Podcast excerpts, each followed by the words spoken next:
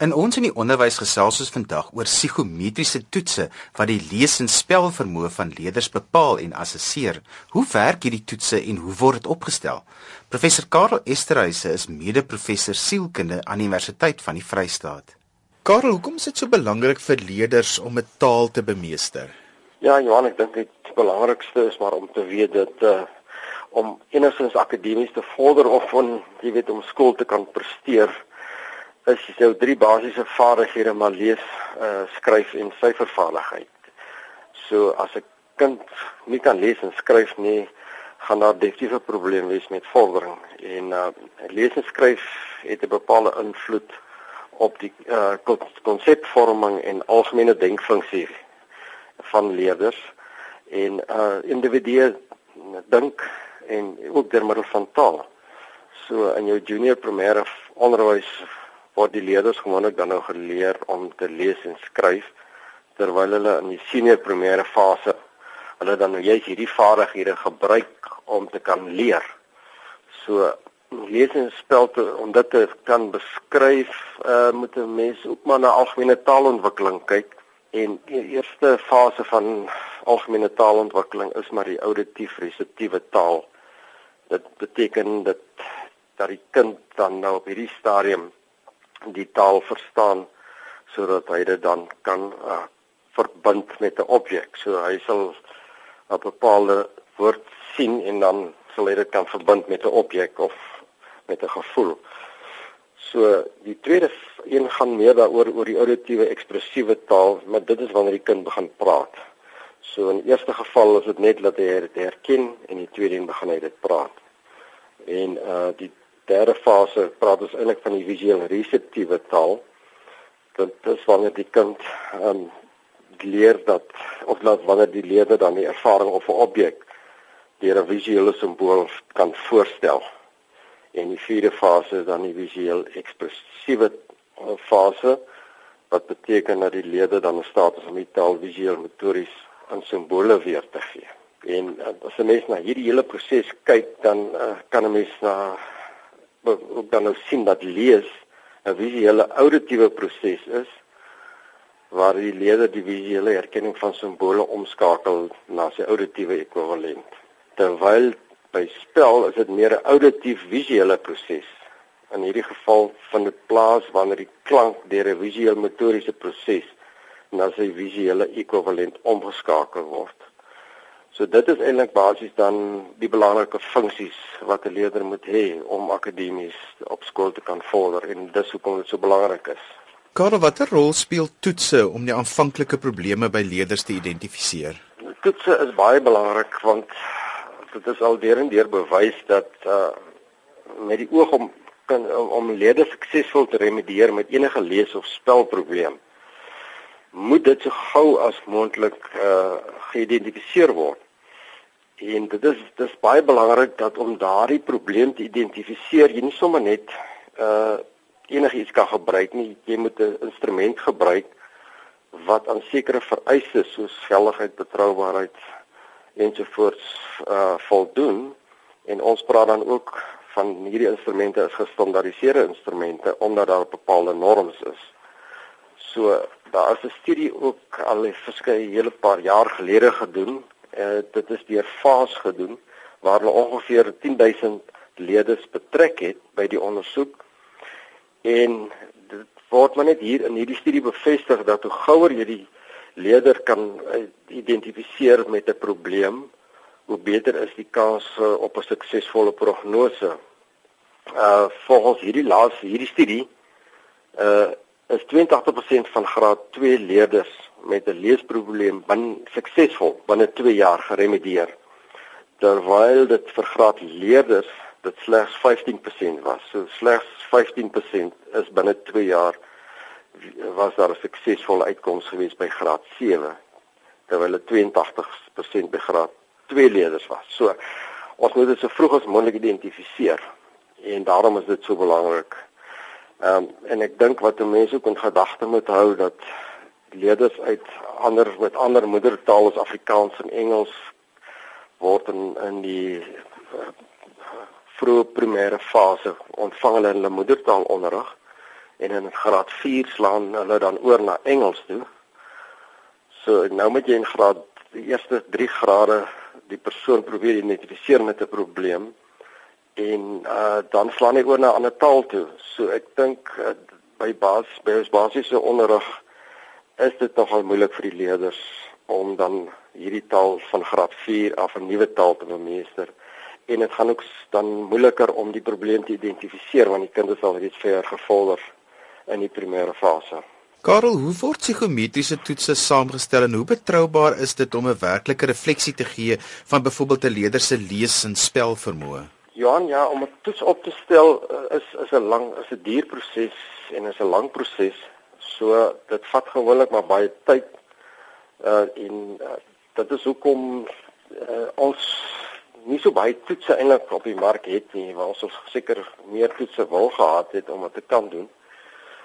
Maar dit is 'n baie lang proses en met die gevolg van die SI lesingspel het ons maar begin deur die identifisering van voorlopige woordelyste en ons het dit gedoen deur op daai stadium het daar nog klinieke in die Vrystaat bestaan, kinderleiding klinieke en ons het na persone wat kundig is op die gebied is gegaan en gevra hulle moet vir ons 'n uh, woordelyste opstel wat ongeveer 10 woorde beskik wat met 'n gemiddelde moeilikheidsgraad. Jy weet die onderwysers binne in die klasse, hulle hulle weet al met watter woorde die kinders relatief moeilik vervind en watter woorde relatief maklik. So hulle vir ons woordelyste opstel 10 woorde met gemiddelde moeilikheidsgraad, 5 wat die meeste leerders sal kan doen selfs die swakker is en dan vyf woorde wat die slegs die beste leerders. So dit was die begin gewees net om woorde te identifiseer want dit moet verseker woorde wees wat maklik is maar wat dan progressief al moeiliker raak. Die tweede fase het ons meer gekyk na die itemontleding. Met itemontleding verwys ek eintlik maar na geldigheid, betroubaarheid en moeilikheidsgraad. En uh mens kan miskien maar later sal ek bietjie meer oor selfheid en betroubaarheid sê. Maar uh, dit beteken dat daar sekere vereistes gestel word aan elke woord wat in die toets ingesluit gaan word. Dan het ons normbepaling gedoen. Nou met normbepaling, kan ek miskien net 'n voorbeeld gee. Ons wil die tellings wat 'n kind die die punt wat hy uit vir 'n toets behaal, wil ons vergelyk met sy groep. Nou ek kan dit miskien vinnig net so verduidelik. Ehm um, as 'n kind 12 uit 20 in in wiskunde kry en die gemiddeld van die klas is 10, dan die kind bo die gemiddeld presteer van die klas. Indien hy dan vir geskiedenis toets 14 uit 20 gekry het, maar die gemiddeld van die klas was 15, het hy eintlik onder die gemiddeld presteer. En alhoewel hy 14 wat nou hoër waarde is as 12 uit 20, het die kind eintlik swakker in geskiedenis gedoen as in wiskunde. Nou dit is presies wat die beginsel agter normalisering van tellings lê of dan die eh, norm bepaal. Ons met die routelling wat die leerder op die toets behaal, moet ons kan vergelyk met 'n normgroep. En in daardie geval is daar gestandaard of verskeie skale van genormaliseerde standaardtellings. In hierdie geval het ons die staan 9 skaal en die persentielrange gebruik Nou die Stanege skaal verdeel die routellings in 9 verskillende waardes en elkeen van daai Stanege tellings het ook 'n persentielrang. Nou die persentielrang verwys na 'n persentasie. En die persentasie wat dan die persentielrang vir ons gee wat gekoppel is aan 'n bepaalde Stanege, dui op die persentasieleerders in die normgroep wat daai telling of laer behaal het en dit is dan wat gebruik word om uiteindelik vir ons die normtellings van 'n leerder te kan aandui. Ek uh, kan miskien net vir dan sê dat die laaste fase was dan eintlik om die betroubaarheid en die geldigheid te uh, koëffisiënte aan te dui en daar het ons ook gebruik gemaak van die akademiese prestasie van die leerders, maar ek sal nou nou 'n bietjie meer sê oor die geldigheid en betroubaarheid. Karel, hoe vergelyk hierdie toets waarby jy nou betrokke was by die opstel met vorige toetse en jy het nou al so 'n bietjie vertel die proses wat jy gele gevolg het. Vertel ons nog 'n bietjie meer. Ja, ons het pas begin in die Vrystaat want uh, oor die algemeen het die mense die die IK lesenspel, dis die Universiteit Kaapstad lesenspel toets gebruik wat vir sy tyd 'n baie goeie toets was, maar ek dink met ter tyd Jy weet hy was as ek reg het in 1944 gestandardiseer. So ons het toe begin kyk na 'n nuwe lesespeltoets. Ehm um, die lesespeltoets wat ek ontwikkel het, moet ek miskien net eerstens aandui dat hy slegs 'n uh, woordherkenning toets en nie leesbegrip nie. So spel is maar net die gewone spel, maar ek wil net sê dat lees het net die woordherkenning. Nou die toets wat ontwikkel is, die SI lees en spel toets, ehm um, verskil in 'n mate van van die IK lees en spel toets deurdat die lees en spel vermoë word vir graad 1 tot graad 7 leerders bepaal deurdat ons vir elke graad sy eie lees en sy eie spelwoorde ontwikkel het. Vir die graad 1tjies is die lees en spelwoorde net 15 en vir die graad 7s is dit 20 lees en 20 spelwoorde. So in hierdie geval kan ons dan nou of ook vir per kwartaal uh die norms van die leerders bepaal. Ek dink met die IK lees was dit net uh, kyk hoeveel woorde die kind of die leerder kan reg uh kry oor hoe meer woorde hy dan reg kry hoe hoor as hy in die, in die bepaalde graad of in daai tyd seker dan nog die standaard wat hy presteer. In hierdie geval kan jy per kwartaal werk. Met ander woorde, ons kan byvoorbeeld uh uh ons kan gaan kyk as 'n kind presenteer met 'n met 'n probleem in die onderwysers verwys hom na die remenderende onderwyser toe en die kind is sê nou maar nou in graad 2 vierde kwartaal is die laaste kwartaal van die jaar en jy toets die kind met die graad 2 spellyste en hy uh, kry 8 uit 20 Dan as mens na die norms gaan kyk vir die 4de kwartaal, stemme 'n waarde van 8 oor 1 met 'n persentielrang van 23. Soos ek nou net vroeër gesê het, dit beteken dat 23% van die normgroep het 8 uit 20 of 'n punt laer as 8 uh gekry. So die kind uh wat eintlik beteken dat 77% van die normgroep het beter presteer. So ons kan sien die kind is nie op standaard nie. Nou wat beteken bedoel ek as ek sê die kind moet op standaard wees? As ons na die norms gaan kyk, het ons 'n afsny van 'n stand 9 van 5 wat ooreenstem met 'n persentielrang van 60. Met ander woorde beteken 'n kind behoort ten minste onder die boonste of die onderste 60% te lê. Hy moet minstens 60% van die groep normgroep se prestasie kon behaal het. Ehm uh, indien hy nie dit bereik het nie, dan twyfel 'n mens of sy lees en spel vermoë op standaard is. So mens kan byvoorbeeld dan ook die SI die lees en spel toets gebruik om te bepaal hoeveel kwartale is die kind agter. Uh as 'n mens na die huidige die graad 2 uh, spel norms gaan kyk, sal 'n mens sien in graad 4 stem die ag soos ek nou net gesê het oor 1 met as 'n 9 van 3 of 'n persentielrang van 23. As jy mens in die derde kwartaal toe beweeg, dan is hy punt uit 8 uit stem hy 1 met 'n stand 9 van 4 wat beteken hy soos hy presteer so 40% of laer van die normgroep. As so beweeg mens terug, dan sal jy sien daai telling van 8 uit 20 stem die eerste keer oor 1 met 'n stand 9 van 5 wat ek nou net genoem het, dalk ons standaard is wat ons mag gebruik. So die kind presteer eintlik volgens sy spelvermoë graad 2 eerste kwartaal alhoewel hy nou in vierde kwartaal is. Dit beteken die student ag die leerder is eintlik maar ehm um, drie kwartaale agter.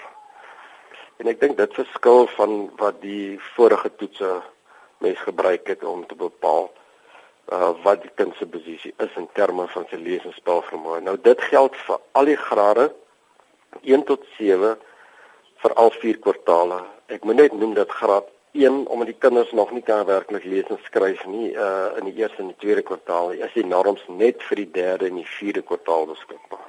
En dan kan ek ook miskien noem dat die SI lees en spel toets het ook 'n diagnostiese, jy kan hom ook diagnosties aanwend. So as 'n kind byvoorbeeld in die leestoets 'n woord verkeerd lees, dan kan 'n mens gaan kyk na klankonderskeidingsprobleme wat dui op visuele geheue diskriminasieprobleme. Jy kan gaan kyk na klankverspringing of letteromkering en dan kan mens na 'n spesifieke probleem probeer identifiseer.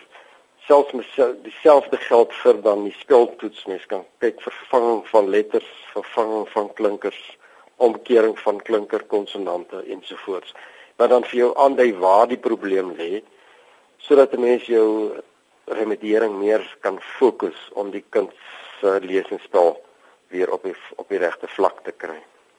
En dan die essay dan ook 'n uh, siftingstoets in baie keer kom die uh, leerder by iemand by die uh, remedierende onderwyser of die of 'n kundige so kundige aan en jy weet nie presies uh, waar is die wat is die kind se vlak van prestasie nie. So hy is dalk nou graad 5, maar jy weet nie of die kind dalk op graad 3 vlak presteer nie. So jy kan deur 'n siftingstoets gebruik aanvanklik om te bepaal met watter graad se hore moet jy begin om die toets toe te pas. Ek wil miskien net noem dat elke graad het sy unieke woorde. Jy mag nie of jy kan nie sê nou maar graad 5 leerder met graad 5 se woorde toets en dan vergelyk jy dit met die graad 4 norms nie. Jy kan dit net met graad 5 vergelyk. As die kind dan swakker te swak presteer dat jy voel die kind moet nog weer getoets word dan moet jy teruggaan na graad 4 se woorde die kind toepas met graad 4 en dan na die graad 4 norms toe gaan Ons gesels vandag oor psigometriese toetse wat die lees- en spelvermoë van leerders bepaal en assesseer. My gas is professor Karel Esterhuise en hy is mede-professor sielkunde aan Universiteit van die Vrystaat. Karel, mense steun baie op hierdie uitslae van hierdie toetse om kinders te kan help, maar hoe word die geldigheid en die betroubaarheid van hierdie toetse bepaal? Die geldigheid en betroubaarheid, daar's natuurlik heelwat verskeie maniere om geldigheid en betroubaarheid, uh, soos ek dink almal maar bewus is, beskryf verskillende forme van betroubaarheid en geldigheid.